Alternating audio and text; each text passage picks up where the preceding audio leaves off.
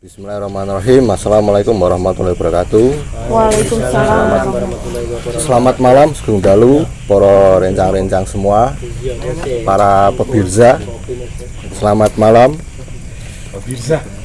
Pada kesempatan malam ini eh, ada pembahasan yang menarik di diskusi malam Jumat Kliwon. Jadi kalau kemarin kita lebih pada bagaimana membahas antara sains dan mistik. Nah ini lebih pada uh, khasanah kebudayaan khususnya kebudayaan Sunda dan Jawa. Nah untuk sebagai nggak usah lama-lama karena sekarang sudah jam setengah sebelas kalau bisa nanti bisa selesai jam 12 tepat biar nanti secara formal uh, kita nggak nggak kemalaman sebagai pembuka uh, saya berangkat dari salah satu bait uh, pocong ya dalam serat ulang reh. Itu kita kita pun sinuwun pakubono kaping sekawan. Ngilmu iku kalakone kanthi laku lekase lawan kas tegese kas nyantosani setya budya pangakase tur angkara. Ngapunten Kang Rindra menawi menawi kathah klentunipun mestine. Kudune kan ngono Kudune akeh salahnya. kudune. Nah dalam eh, dalam bait pocong ini salah satu bait pocong dalam serat ulang rah ini adalah ada eh, intinya adalah bagaimana eh, ilmu itu lumak lupa lumantar. Ilmu itu dapat dicapai dengan lelaku lelaku dalam arti usaha secara keras. Jadi usaha keras dalam uh, mencari ilmu menggembleng diri membentuk karakter lalu percaya diri. Jadi bukan bagaimana kita uh, belajar sebanyak-banyaknya tapi lebih pada bagaimana menata menata apa namanya uh, diri kepribadian diri secara reflektif.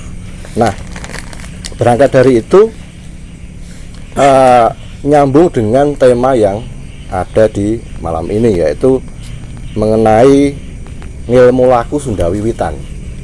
Nah, eh, mengingat eh, sepengetahuan saya bahwa secara bahasa saja bahasa Sunda dan Jawa itu ada perbedaan yang mencolok.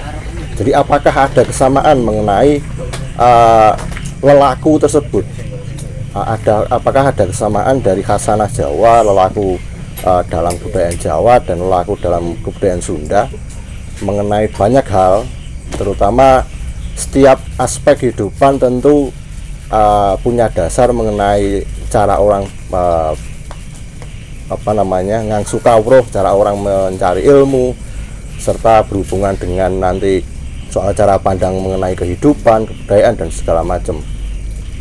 Uh, sampai sekarang pun kebudayaan Sunda sering sekali disorot oleh publik terutama mengenai eh, suku-suku uh, Baduy terus uh, mengenai suku Cipta Gelar. Nah ini be- bekal saya dulu ketika diberitahu Kang Ayis itu so bahas Sunda wah aku langsung nonton bahas dok wah tuh. Langsung pirang-pirang jam nonton bahas dok Baduy nah disorot media karena uh, kebudayaan Sunda seperti Baduy, Baduy dalam terutama itu mereka menjaga kearifan lokal, menjaga tradisi dan bisa hidup sampai sekarang. Sedangkan di Jawa, di Jawa Tengah, di Jawa Timur itu mereka melebur dengan uh, kebudayaan baru yang yang dimotori oleh modernisasi, globalisasi, bercampur dengan budaya yang lain dan ada uh, efek positif dan efek negatif di situ. Tetapi kok berbeda dengan uh, dengan apa namanya uh, masyarakat Sunda yang lebih pada bagaimana dia juga berhasil sama kita sama-sama berhasil dalam menjaga alam, dalam bagaimana cara pandang hidup, bagaimana kita punya peran terhadap bangsa, terhadap pemerintah. Nah, untuk kali ini uh, saya rasa akan seimbang. Jadi uh, kita punya titik pertanyaan bersama sebenarnya yang pertama adalah uh, lelaku uh, Sunda dari Teh Wina nanti bisa sharing menceritakan pelaku hidup, lalu pedoman, lalu bagaimana uh, Sunda me, me, memandang Indonesia, Sunda memandang sebuah perubahan. Lalu nanti Kang Rendra bisa uh, cerita karena uh, rasa perasaan saya secara pribadi adalah sepertinya kok Sunda dan Jawa ini punya dasar laku yang sama, kebudayaan yang uh, secara filsafat filsafat ketimuran yang sama, tetapi secara pertumbuhan, secara perkembangan antar zaman ini berbeda.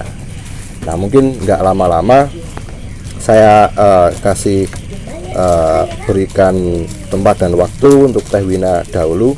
Bagaimana sih untuk lelaku Sunda, lelaku masyarakat Sunda soal prinsip hidup, terlalu soal kehidupan, cara pandang terhadap perubahan terhadap dunia dan alam sekitar.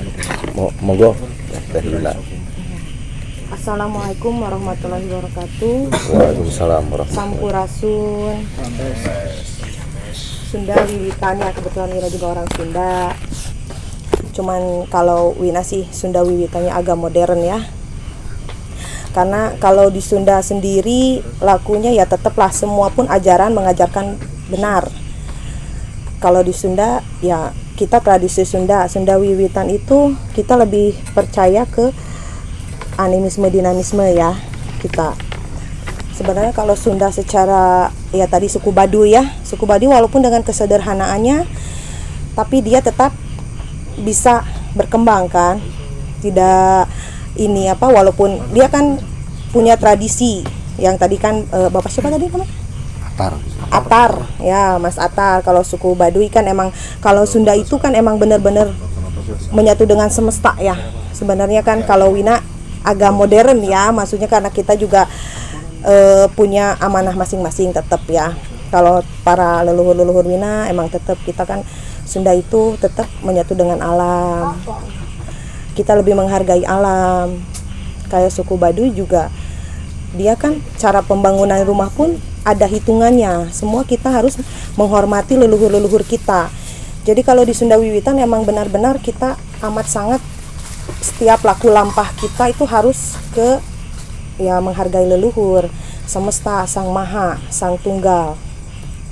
Adapun tradisi-tradisinya ya kita seperti ngaji poe yang seperti itu. Dan kita lebih ini ya kalau secara spiritual nih kalau secara spiritual emang kita tiap hari pun kita ada raja-rajanya. Jadi kita emang emang benar-benar mau menanam mau ngebangun itu kan kita ada leluhur-leluhurnya kita tidak bisa sembarangan. Begitu pula dengan ya ketika yang jadi sorotan adalah suku Baduy ya. Tapi kita lihat ke keajaiban suku Baduy. Walaupun mereka sederhana tapi mereka tetap hidup dan harmonis loh. Walaupun ada plus minusnya tadi kan. Plus minusnya ya kayak di kita pun ada di Sukabumi tapi kita bukan suku Baduy. Karena kan Sunda Wiwitan tuh banyak bukan hanya di Bandung. Di semua kayak di Sumatera pun ada. Penganut Sunda Wiwitan Sunda itu luas. Bukan hanya di Bandung bukan hanya di Garut. Cuman kita kan terbalik lagi ke amanahnya masing-masing. Karena kalau kita hidup di zaman para leluhur-leluhur kita kita tidak bisa serupa dengan beliau. Karena kita hidup di zaman berbeda. Sedangkan yang di garis bawahi di Sunda Wiwitan adalah lebih ke ngaji diri ngaji rasa. Jadi kita tuh harus lebih mengenal diri kita sendiri dan semestanya. Makanya sem, uh, di apa di ajaran kita ya di ajaran semua pun sama lah. Lebih ke ngaji diri ngaji rasa. Karena kita kan punya saudara ya. Sejak lahir pun kita ada saudara. Di barat di timur di utara di selatan itu adalah saudara-saudara kita juga. Dan di Sunda Wiwitan itu ya laku lampahnya welas asih tidak di Sunda Wiwitan sih semua pun sama. Cuman kalau di tradisi kita sendiri ya tradisi ya ini tradisi di kita emang kita lebih ke emang kita aneh lah. Kadang kadang orang bilang kok sholatnya aneh puasanya pun jarang gitu kan. Di Ramadannya pun. Padahal kita lebih banyak berpuasanya. Bukan hanya sekedar e, di bulan Ramadan saja. Kita tirakat banyak sekali. Dan puasa pun kita bukan hanya menahan lapar saja. Kita puasa benar-benar mutih. Karena kita ingin mengenal dengan diri kita dengan mengenal dengan semestanya. Karena Wina e, keturunan Sunda Wiwitan ya. Sebenarnya saya sudah modern ya. Karena ya gitu kita kan punya amanahnya masing-masing. Awang kita berniaga gitu. Jadinya ya kita pun tidak akan serupa dengan leluhur-leluhur kita. Karena kita hidup di beda zaman. Tapi kita harus meneruskan ajaran-ajarannya. Welas asih kayak Prabu Siliwangi Siliwangi gitu kan. Siliwangi itu silih wangi. Kita harus mengharumkan jadi kalau di Sunda Wiwitan tuh lebih ke ngaji diri ngaji rasa lebih ke praktek hidup. Makanya kalau orang-orang Sunda Wiwitan ya bukan orang-orang Sunda Wiwitan lah kita semua pun ajaran mengajarkan benar. Tapi ya balik lagi ke diri kita masing-masing ya. Kita harus mencontohkan. Dan kita masih memegang teguh leluhur.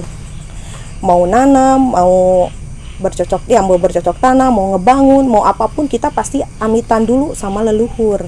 Emang kita pasti disebut uh, kolot lah apa tidak gaul atau aneh gitu kan. Tapi kita bukan berarti kita tidak beragama. Yang pasti leluhur kita mengajarkan untuk kita punya tata krama. Di mana pun berada kita harus punya tata krama. Karena yang beragama pun kalau tidak punya tata krama ya jangan ngomong beragama lah. Jadi di kita lebih ditekankan kehidupan ulas asih saling mem memberi. Kalau di kita gitu. Dan kita tetap sesajen ada. Dan sesajen itu pun ya sebagian orang pasti berpikir apalagi sekarang lah di Indonesia kan intoleran amat sangat terlihat gitu kan. Cuman kalau kita sih kalau Sunda Wiwitan atau kita lebih menghargai semesta ya mungkin tidak akan ada yang namanya banjir ya longsor karena kita lebih menghargai semesta tapi ya karena kita pun udah era digital ya sekarang dan kita tidak bisa serupa dengan leluhur-leluhur kita makanya kita harus melakukan dan meneruskan ajaran-ajarannya supaya kita menjadi seorang pemimpin ya. Kalau di kita diharuskan welas asih berbagi kalau dalam kehidupan yang terpasti dan harus di ajaran kita yaitu ngaji diri ngaji rasa. Di kita itu harus ngaji diri ngaji rasa. Dan tradisi-tradisi pun ya puasa kita ada tiap hari pun ritual-ritualnya nih. Kalau ritual-ritual di kita tiap pagi ya kita ada walaupun uh, apa ya kayak kalau Sunda Wiwitan ah, kita juga muslim gitu kan ada yang muslim cuman kita tidak di ini apa ya rukun gitu kan ya. rukun Islam rukun iman kita juga tahu dan memahami gitu. Karena kan kita sangat memahami leluhur-leluhur kita bahwa leluhur-leluhur kita pun ya kalau kita ditarik dari garis sejarah nih ya Islam pun kan belum datang. Makanya kita lebih uh, apa ya leluhur-leluhur kita lebih orang-orang Sunda pasti lebih saling menghargai lah. Cuman emang di pandangan masyarakat pun kadang kita disebut aneh. Karena kita masih ngukus kan kita malam Jumat masih tawasulan dan tidak hanya itu saja kita di hari weton kita masing-masing gitu kita masih ke eh, dewa-dewa gitu kan. Kita masih kepala leluhur lah. Tapi yang kita rasakan adalah ya kak kita kan sapaat karohmahnya di dari leluhur. Dan kita juga tidak bisa memungkiri karena kita hidup di zaman globalisasi kan di zaman digital beda dengan para leluhur kita. Kalau para leluhur kita emang sakti-sakti kita harus akui emang sakti-sakti. Karena kan mereka emang benar-benar trust sama gustinya. Tirakat saumnya. Jadi kita di sini emang ini ya kalau di Sunda Wiwitan asli di uh, Wina gitu kan di keturunan saya emang bukan berarti kita mengkotak-kotakan antara ini muslim ini enggak gitu kan? Tidak emang kita pun puasa kita lebih banyak. Bukan hanya puasa di Ramadan saja. Puasa kita banyak puji poe puasa weton. Apa pun yang kita mau lakukan ya kita pasti ke leluhur dulu. Di mana pun kita berada ke leluhur. Dan kita lebih menghargai leluhur. Gusti Allah juga kan itu memang benar-benar semesta yang harus kita yang maha agung maha kuasa maha tunggal yang harus kita praktekkan juga gitu apa yang dimau oleh ajaran kita Tradisi sih banyak lah kalau tradisi kan. Semua ajaran pun sama mengajarkan benar itu kembali lagi kepada individunya. Makanya Wina pun kadang suka ya kita tidak mengkotak-kotakan ya antara ini Muslim, ini Kristen, ini eh, apa Buddha gitu. Karena semua pun kalau kita belajar kita jadi kita kalau nggak pernah inilah jangan ada intoleransi itu. Karena semua pun mengajarkan ulas asih. Semua mengajarkan ulas asih. Tapi kalau seandainya Indonesia mengakui animisme dan dinamisme ya semesta pasti bakal lebih adem gitu kan tidak akan ada yaitu plusnya tidak eh, apa plusnya lebih inilah sumber daya juga lebih terjaga. Kita lebih hidup harmonis dengan semesta. Cuman kalau negatifnya ya banyak lah gitu kan? Bukan negatifnya maksudnya eh, mungkin tidak akan ada gedung-gedung gitu kan? Itu negatifnya kan plus minus juga. Tapi kita kan hidupnya berbeda dengan leluhur kita. Makanya kita lebih melanjutkan mengapresiasikan apa sih yang leluhur kita mau. Karena kan kita pun punya leluhur kan ulas asih kita harus jadi pemimpin gitu. Kita harus eh, meneruskan apa yang diwariskan oleh para leluhur-leluhur kita. Dan kalau di Sunda sendiri ya emang ngaji diri ngaji rasa dan ya tahu sendirilah kalau leluhur-leluhur kita kan emang semua dari pajajaran mereka kan emang ada ini juga pencak silat kita bela diri ada dan itu diharuskan bela diri kita ada. Karena itu juga kalau menurut ilmu pengetahuan atau era zaman sekarang kan bela diri juga untuk supaya kita pede. Pede. betul. Dan pondasi agama nomor satu. Karena kalau menurut kita sendiri pun agama ya manusia atau yang buat? Manusia juga yang mengkotak-kotakan si ini Kristen si ini eh, Islam si ini Buddha gitu kan kalau di kita ya. Jadi kita tidak pernah mengkotak-kotakan bahwa semua sama. Semua sama semesta kita turunan Adam dan Hawa. Dan pada kalau kita tarik dari sejarah pun ternyata leluhur-leluhur kita pun kan animisme dinamisme. Ke sini ke sini kan kita kan ada rentetan. Ya kayak gini aja. Melalui perdagangan Wina kan melalui berniaga kita bisa menyebarkan. Seperti itu. Jadinya ya silaturahmi lah. Iya. Ya, kalau anu teh. Jadi kalau Jawa Barat itu kan eh, basis seperti kayak aliran-aliran Islam, lalu ada laskar itu banyak sekali. banyak Jawa Barat, Luar terutama Bandung. ya Bandung itu eh, saya tahun 2016 kalau nggak salah itu ikut survei soal intoleransi. Hmm. Itu pada waktu itu Bandung itu menca- eh, jadi kota nomor dua setelah Medan yang kota sangat intoleran gitu loh. Nah, Eh, apa sih tantangan dari eh, masyarakat Sundawiwitan me- mengenai soal isu intoleran? Ada kan pasti ada semacam Pro benturan pro Betul. kontra dengan eh, sedulur-sedulur yang mungkin secara ada keislamannya kurang apa ya, kurang kafah menurutku. Betul. Jadi ada benturan antar agama, lalu ada benturan mengenai soal pendidikan. Nah, dalam itu dari dari videonya di Wasda kita nonton, itu ada eh, suku Baduy yang eh, tidak sekolah modern. Pasti kan ada, oh eh, si orang tua ada yang, wis rasa nggak usah sekolah, nanti apa jadi orang pinter dan itu minteri orang lain. Tapi ada beberapa yang pasti banyak yang ya udah kamu sekolah aja biar uh, biar seperti yang lain masyarakat pada umumnya. Pasti kan ada di dalam keluarga dalam tetangga dalam uh, suatu desa misalkan pasti ada benturan. Nah itu ceritanya seperti apa teh? Ya kalau di kita tarik lagi dari sejarah ya Ah. dari para leluhurnya. Pada waktu itu kan leluhur kita dari Pajajaran itu kan Prabu Siliwangi sendiri pun membe eh, ini tak ini kan apa enggak ini sejarah ini sejarah ya maksudnya membebaskan eh, rakyatnya untuk lari ke mana gitu kan. Karena beliau pun tidak mau ya kan ada lagunya juga kan alim diislamkan kan sama Kian Santang anaknya. Itu kalau kita tarik sejarah. Cuman kalau kita menghadapi eh, apa menghadapi intoleran yang terjadi ya kita sebagai Sunda Wiwitan harus memperlihatkan dan mempraktekkan dalam kehidupan bahwa tidak seperti itu dan tidak ada tidak semua hidup juga pilihannya tidak semua Sunda Wiwitan tradisional banget. Tidak termasuk ya kayak eh, di Wina gitu kan di Bandung terutama di Pasir Koja. Ya kita kan emang terkumpul dari orang-orang yang ingin antara spiritual dan dunia tuh harus seimbang. Kalau di antara eh, di suku Baduy kan itu emang benar-benar real dengan semesta. Dan itu pun mereka kita tidak bisa ya mereka ya mereka gitu kan. Karena mereka sudah punya kenyamanan di situ. Dan mereka juga sudah punya pilihan dan ya kita juga bukannya tidak percaya. Karena di Sunda Wiwitan harus percaya ya ada kehidupan setelah kehidupan abadi setelah Iya. kita meninggalkan dunia yang fana ini.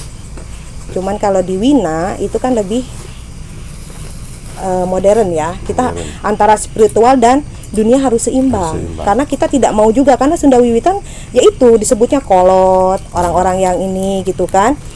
Karena kan di Indonesia sendiri kepercayaan kan tidak baru Konghucu yang diakui ya. Baru Konghucu itu yang diakui. Dan kenapa? Di Bandung selalu eh, itu balik lagi ke politik. Kalau kita ikutin politik Bandung tuh pasti jadikan eh, apa ya propaganda. Surabaya. Bandung dan Jakarta itu Surabaya, Bandung, Surabaya, Jakarta ya itu pasti jadikan propaganda ya. Kalau di Indonesia ya kita tidak bisa memungkiri hanya agama yang bisa kita benturkan. Karena emang benar-benar eh, kita tuh kaya akan budaya. Coba kalau kita tidak ada intoleran gitu kan, kita hidup berdamai, itu enak loh. Kita kan saling-saling kan, saling menyempurnakan, saling mengingatkan. Toh orang Sunda Wiwitan pun ada kok yang punten misal eh, yang sukses gitu kan. Ada yang bisa membangun eh, perusahaan itu kan tidak semua. Cuman kita kan harus saling-saling juga. Kita ke suku Baduy, Baduy pun sama. Kadang suka saling memberi lah. Kita harus saling memberi dan ya itu kan amanah mereka adalah untuk langsung ke Gusti Allahnya gitu kan. Mereka lebih ke semesta. Kita pun sama. Cuman kalau kenapa di publik selalu dibenturkan kan? Iya. Itu kalau kita ngikutin era modern yaitu politik. Politik yang bermain. Makanya kalau pesan kita pun ya kalau semua pemimpin bisa ngaji diri ngaji rasa ya tidak akan ada yang terjadi seperti itu. Makanya kita pun mendidik anak-anak ya terutama karakter. Tapi kita tidak boleh melupakan leluhur-leluhur kita. Ya mungkin nanti juga kalau turunan kita ya pasti leluhur-leluhur ya kita lah kita dan kita pun ya tetap orang tua. Karena kalau kita mengikuti dengan leluhur-leluhur yang paling mahal gitu kan kita kan sudah hidup di beda zaman. Kita hanya merasakan kebaikan-kebaikan yang telah leluhur kita kerjakan. Jadi kita emang amanah lo sekarang beda dengan saya gitu. Mungkin leluhur kan bilang seperti itu amanah saya adalah untuk menjadi wali-walinya Allah. Nah kita mah hanya melakukan kita lebih mempraktekkan kalau di Sunda Wiwitan sendiri lebih mempraktekkan Jadi, kalau masalah propaganda itu benturannya karena eh, sedikit tidak pun mengikuti politik kalau di Ya. Indonesia seperti itu emang itu propaganda yang dilakukan padahal kalau kita menghargai semesta uh betapa nikmatnya karena hal yang paling mudah di uh, Benturkan Indonesia. bahan politik ya agama. Agama. Kalau di Indonesia itu. budaya ya. betul Jadi menarik. Jadi uh, penjelasan Teh Wina ini uh, bisa kita ambil garis bawah mengenai soal ngaji rasa dan uh, Ngaji diri, ngaji rasa. diri, ngaji, ngaji rasa. Us, Mayak banget ini. nah, uh, sel- sel- uh, selain itu adalah bagaimana uh, orang-orang Sunda yang uh, modern ini bisa mentransformasikan budaya leluhur bagaimana ia bisa hidup di zaman sekarang kan itu ada yang uh, sekolah modern ada yang jadi wirausaha tapi masih menjaga nilai-nilai uh, kepercayaan yang diwariskan oleh leluhur. Ini kan saya kira uh, belum tentu loh kita semua juga bisa bisa melakukan hal itu karena jelas ada banyak sekali benturan terutama a- kita hidup di uh, bawah naungan perpolitikan yang sangat kejam betul. Jadi kita dibenturkan secara keyakinan secara kebudayaan. Lah uh, saya ingin tanya dengan Kang Rendra gantian Kang Rendra dulu. Jadi sebenarnya eh, dari khasanah kebudayaan Jawa dan Sunda Jawa tadi ber- berpijak pada lelaku ngaji diri ngaji rasa secara filosofis. Kalau Jawa sendiri seperti apa? Mengingat secara sekarang di masa modern eh, masyarakat yang dalam dalam tanda kutip tertutup seperti eh, Sunda Sun- eh, dalam Sunda dalam arti Baduy dalam, Baduy luar, ada eh, banyak sekali yang saya kira tidak terekspos di media. Itu mas ternyata masih saya kira kok le- lebih banyak Jawa Barat daripada Jawa Tengah, Jawa Timur mungkin ya. Tapi bagaimana dari kasanah Jawa itu sendiri eh, berpijak pada samin. Lelaku, lah mungkin bisa nying- ninggol samin atau bahkan bisa mengkompar antara Jawa dan Sunda. Monggo Kang Rindra. Ya, terima kasih teman-teman, selamat malam. Wina, wah ini saya ketemu orang Sunda lagi setelah puluhan tahun cahaya ini. Eh, menarik ya, maksudnya ketika kita bicara Sunda Wiwitan itu sebenarnya sebenarnya Jawa pun sama gitu. Maksudnya kalau kita mau bilang oh Sunda Wiwitan lebih banyak daripada Jawa atau misalkan yang sering kita sebut kejawen gitu ya. Itu jumlahnya menariknya mungkin karena di Sunda itu ini ya sempat terinstitusi itu. Waktu saya main dari eh, di Kabupaten Kidul ya banyak di Banten di Kabantenan Kidul, kemudian di Baduy gitu, kemudian di kantong-kantong kecil lah di di Rancak Rancakalong Cibiru macam-macam gitu. Di sana itu sudah bedanya di sana itu selamat dan terinstitusi gitu. Jadi ada desanya diakui oleh negara oleh, sistem negara gitu. Dan dan mereka terakomodir oleh itu gitu. jadi eh, itu yang saya tahu sedangkan di Jawa kan sebenarnya islamisasi yang keras itu sudah sudah selesai. Mungkin pasca pasca Majapahit ya jadi era Demak sampai ke ke Sultan Agung itu hampir semua pesisir Jawa itu kan dihantam gitu. Ya mungkin sama sebenarnya di sekitar Cirebon sampai sampai Jakarta. Jakarta lebih rumit lagi karena karena itu urusannya tidak hanya Islamisasi kan dan ada perebutan kekuasaan dengan kolonial dan lain-lain. Nah seperti juga halnya Sunda Jawa itu yang selamat yang sisi selatan jadi kalau teman-teman main ke ma- ya mana aja lah sepanjang Jawa yang selatan gitu. Mulai dari Cilacap sampai dengan Banyuwangi. Itu selatan itu jauh lebih selamat. Eh, unsur-unsur kebudayaan yang yang sering kita sebut kejawen. Gitu. sebenarnya kan tidak sesederhana itu ya. Jadi eh, mereka mengalami survive gitu. Misalkan di Jawa eh, sering kita sebut misalkan Islam abangan misalkan. Islam abangan itu ya mereka saya itu berKTP Islam karena saya saya kalau nggak Islam mati nih gitu. Itu yang terjadi kan Eh, misalkan di lereng-lereng gunung tahun-tahun 65 ya ya kita tahu sendiri. Kenapa Kristen masuk di Merapi Merbabu? Ya karena kalau kamu nggak masuk Kristen nggak masuk Buddha eh, Bu- Buddha belum ada nggak masuk Islam nggak masuk Katolik ya pada waktu itu kan hanya tiga agama yang diakui di Indonesia tahun 6566 kamu mati kamu PKI gitu. Nah itu, itu kan isu isu politik ya yang santer akhirnya sampai ke ranah agama. Gitu. akhirnya ya udahlah masuk Islam gitu. Nah untuk menyelamatkan diri gitu untuk menyelamatkan diri. Tapi prakteknya orang-orang lereng pegunungan mulai masuk Islam beneran itu mungkin sudah abad ke-19 akhir. Jadi eh, itu baru sedikit kemudian 20 terakhir tahun terakhir lah sebelum reformasi tahun 80-an lah. Orang-orang jadi NU itu benar-benar kelihatan oh Nahdliinnya di sini Muhammadiyah di sini. Orang-orang Kristen yang bertata gereja di sini. Tetapi generasi pertama tahun-tahun 66 65 yang sekarang masih hidup dia jarang sekali kok menyentuh agama secara formal gitu. Dia ya sudahlah beragama ya sudah Islam atau Kristen daripada nggak punya agama dan nggak memiliki penjaminan ya penjaminan atas hak warga negara itu. Kemudian baru tahun-tahun berikutnya kan Hindu diakui tahun 71 maksudnya.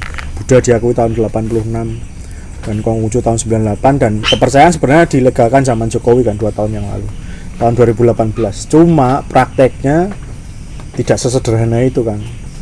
Sampai hari ini pun ketika ya salah satu tempat saya bernaung kan di UGM itu kan ngurusi orang-orang orang-orang yang beragama kecil dan dihantam oleh agama besar itu kelemahannya ya sampai hari ini tuh nggak ada orang yang ngawal peraturan ini gitu jadi presiden resmiin peraturannya ada tetapi ketika ada orang yang punya kepercayaan dia dihantam oleh oleh situasi ya oleh situasi macam-macam ya politik pendidikan bahkan agama besar itu sendiri gitu. Nah, tetapi sependek pengetahuan saya kalau teman-teman ke Tulungagung, ke Kediri Selatan, ke Pacitan, terus ke Jember Selatan, terus Malang Selatan, Banyuwangi Selatan itu banyak orang-orang yang masih apa ya? Ya memeluk kejawaan itu sendiri. Jadi kejawaan itu sebenarnya sukar juga ya. Maksudnya misalkan kita menggali sebenarnya itu agama Jawa asli apa enggak? Saya pikir enggak juga. Karena mau di kalau di pros pros pros gitu ternyata masih ada lintasannya ke ke Hindu dan Buddha misalkan. Masih ada lintasannya ke kepercayaan Cina kuno misalkan. Dan itu itu yang yang diramu oleh leluhur kita menjadi entitas-entitas kepercayaan lokal gitu. Jadi cuma bedanya mereka kenapa nggak selamat? Ya nggak terlembaga gitu. Nggak terlembaga kayak misalkan kok di Jawa kan ada misalkan Samin gitu Samin itu kan Bupati gitu. Mereka sekarang juga sama jadi tertekan kan tertekan oleh oleh banyak sistem. Misalkan ada orang Samin mau sekolah SD aja mau baru masuk kelas dibully terus gitu ya. Atau dia ngelamar pekerjaan nggak dapat pekerjaan. Ya pada akhirnya dia ya sudahlah beragama saja gitu. Untuk mengakomodir dan bertahan hidup di Blora dan Pati gitu. tapi itu masih ada mas. Saya bisa membuktikan itu masih ada. Eh, orang-orang yang punya circle itu. Kadang-kadang tidak terlembagakan. Dia kecil-kecil. Cara paling gampang itu ini mas. Suronan. Suronan di Gunung Lawu. Saya pernah suronan selama 52 hari kan di Gunung Lawu dan hanya untuk meneliti or siapa saja sih yang datang ke Gunung Lawu ketika bulan Suro itu. Dan ternyata banyak sekali mulai kumpulan kecil-kecil dan berbagai ini ya berbagai lapisan masyarakat itu. Mulai dari yang masyarakat biasa sampai pejabat sampai militer berbintang-bintang gitu ya. Sampai orang-orang level up negara kita lah. Itu ternyata walaupun mereka di publik seperti terlihat apa ya sangat beragama gitu ya. Tapi mereka menjalani apa ya menjalani ruang-ruang khusus ini gitu itu banyak lah. Misalkan kayak contoh yang paling li, paling terlihat itu apa ya? Oh, misalkan SBY waktu Mas Agus Yudhoyono itu kalah kalah pemilu gitu. Yang dilakukan sekeluarga besar mereka apa? Kepribadian gitu. yang nginep tiga hari di sana. Banyak orang yang nggak tahu gitu. Tapi saya tahu saya tahu persis gitu loh. Saya tahu persis nginepnya di mana yang ladeni siapa itu. Itu ternyata laku itu masih dijalani oleh orang-orang Indonesia ya. Orang-orang Jawa ya Pak SBY orang Jawa Wong Pacitan gitu. Ya Pacitan Selatan. Dan itu masih menjalani itu. Apakah dia tidak Islam? Islam. Berhaji juga gitu ya menjalani menjalani menjalani apa ya. Dan itu yang menarik ya. Jadi agama dan budaya itu sepertinya akan terus seimbang. Termasuk orang-orang urban ya orang-orang di kota itu justru orang-orang yang mencari dukun ke Solo itu rata-rata orang Jakarta kan? Rata-rata orang ke Solo ke pinggir-pinggir gunung gitu kan yang ditipu dukun-dukun palsu kan juga orang-orang Jakarta gitu. Sering saya mas ternyata kerisnya palsu mas ini. Mak tuku semene itu. Ya logikanya gampang lah pak gitu. Itu diprotoli gitu masih dijual ditimbang berapa harganya berapa gitu. Bahkan apa ya dulu ada bos saya di kementerian itu dia bawa paranormal dan ke kantor gitu. Bener-bener ke kantor gitu paranormal dari Solo. Saya kenal paranormalnya juga. Ternyata Jakarta yang kosmopolit kayak gitu ternyata juga masih berkelindan dengan kebudayaan lama kita gitu. berarti kan mereka membagi ruang ruang kepercayaannya itu ya. Dan agama dan kebudayaan menjadi ini menjadi ruang yang nggak bisa dipisah-pisahkan. Itu sih. Mana mas Adar jadi anu ya, eh, bisa dikatakan bahwa sepertinya budaya itu walaupun zaman nanti akan Hmm. bergerak pada eh, kita udah pada fase uh, postmodern sih.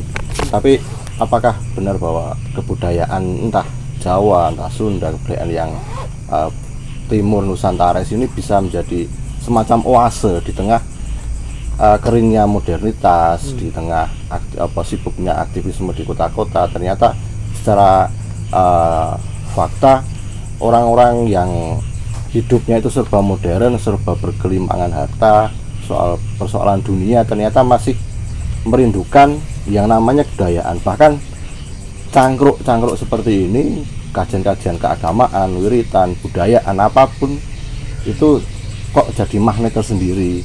Kayak gitu. Nah eh, mungkin langsung saya utarakan kepada kan ke- pada teman-teman semua seluruh yang mau bertanya penasaran dengan eh, Hasanah Sunda Teh Wina ataupun Jawa Kang Rendra. Ini monggo dipersilahkan yang mau penasaran monggo. Biasanya pakai ampun pekewo Riku pasti. Oh, lebih kepada anu sih.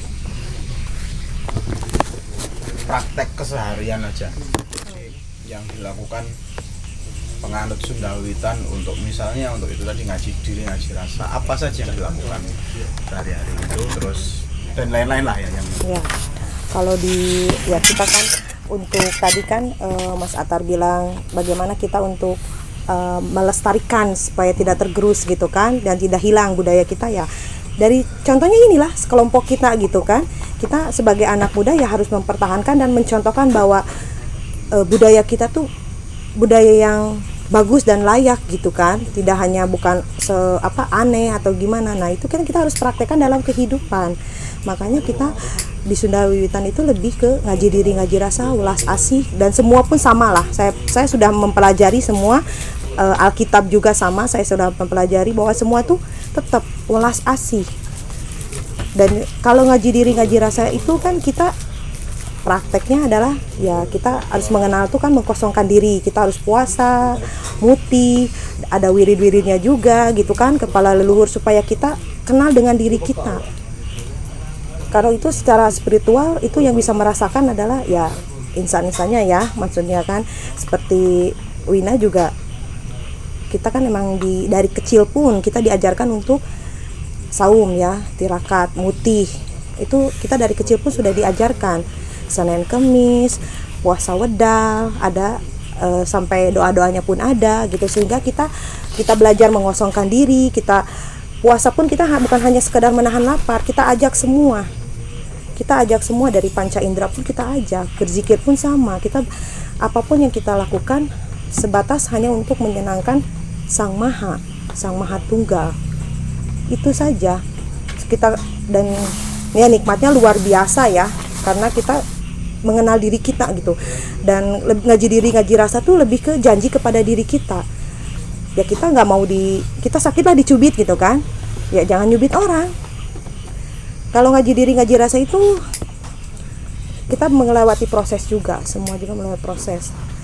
Dan kita lebih mengenal diri kita. Kalau kita lebih mengenal diri kita ya damai. Karena kan yang kita rasakan semua pun inginnya damai. Damai bersatu dengan semesta bersatu dengan ya tidak ada yang namanya mengkotak-kotakan. Kita lebih real lah hidup enak gitu. Ngaji diri ngaji rasa itu pun ya kita harus puasa tirakat zikir. Itu kita diajarkan dari kecil. Semua itu dari kecil. Wina kan kebetulan hari Sabtu lahir. Ya 9 hari kita puasa ngaji poe ada. Banyak.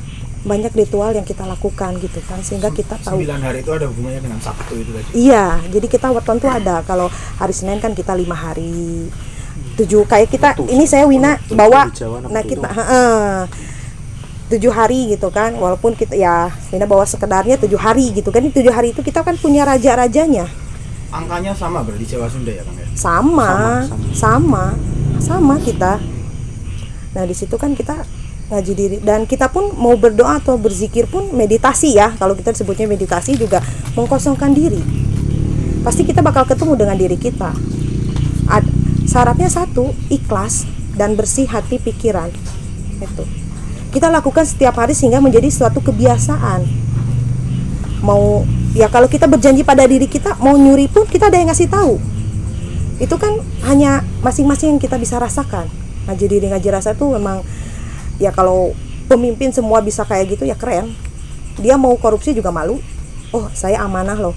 Saya hanya dipilih rakyat bukan ya nggak akan terjadi yang namanya korupsi lah ya ngaji diri ngaji rasa kita ketemu dengan diri kita. Dan itu kita ras bisa lakukan benar-benar ridho lillahi ta'ala bersih hati dan pikiran. Dan itu kita harus asah proses setiap hari sehingga menjadi kebiasaan. Dan kalau kita sudah ngaji diri ngaji rasa sama dengan janji pada diri kita. Karena kalau janji manusia mah kan tahu sendiri ya suka ingkar ya. Orang yang kita kasihin aja pasangan kita yang benar-benar kita percaya bisa selingkuh kan? Tapi kalau janjinya Gusti Allah Sang Maha Esa Sang Maha Tunggal itu benar-benar nyata. Makanya kita lebih ya mencintai ya benar-benar sayang dan cinta pada leluhur-leluhur kita. Karena benar-benar janji-janji leluhur kita tuh nyata.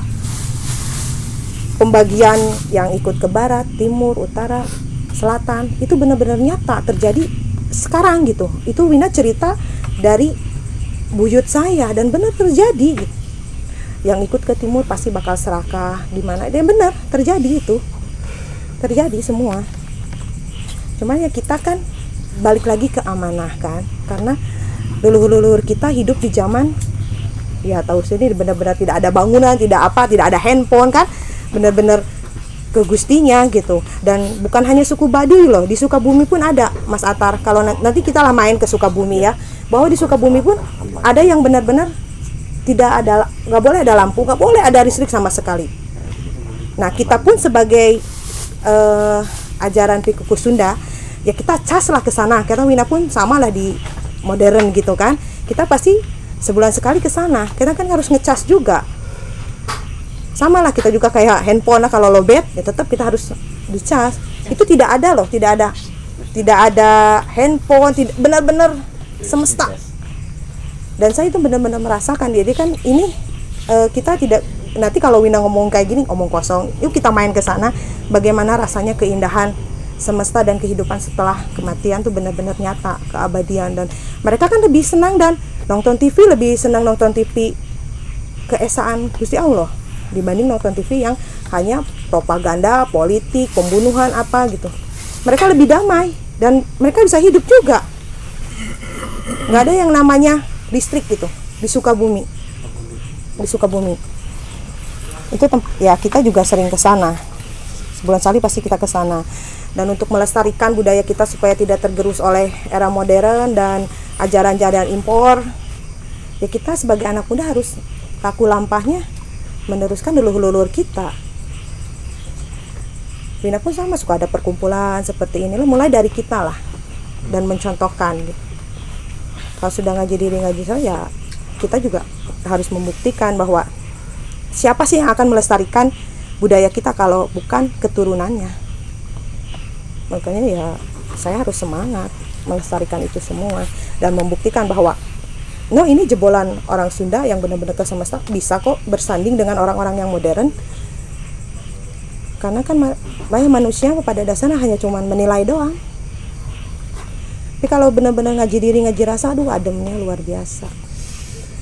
Jadi semua yang kita lakukan pun hanya ingin menyenangkan sang maha.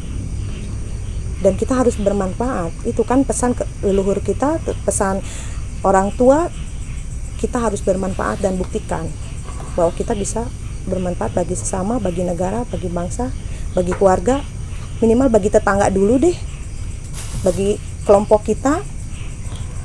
Itu yang diajarkan oleh saya keturunan keturunan saya semuanya. Oleh Sunda ya. Karena kalau Sunda emang terkenalnya ya ramah lembah lembut kan. Sama Jawa juga kan lemah lembut ngomongnya juga iya. Karena Sunda seperti itu. Makanya ya kita untuk melestarikan itu semua ya harus berjuang lah. Karena kalau kita pun hidup mau seperti leluhur kita ya tidak bisa lah. Karena kita beda. Biarkan itu kan perjuangan leluhur kita dan kita buktikan sebagai keturunannya. Dan kita tidak takut hidup di mana pun loh karena ada leluhur yang menjaga. Yang penting kita amitan dulu ke mana pun kita berada ya kita amitan. Karena kan ada penjaga penjaganya kita percaya di semua penjuru mata angin tuh ada. Kita percaya. Makanya selalu amitan pada leluhur-leluhurnya. Kemarin pun saya mau mau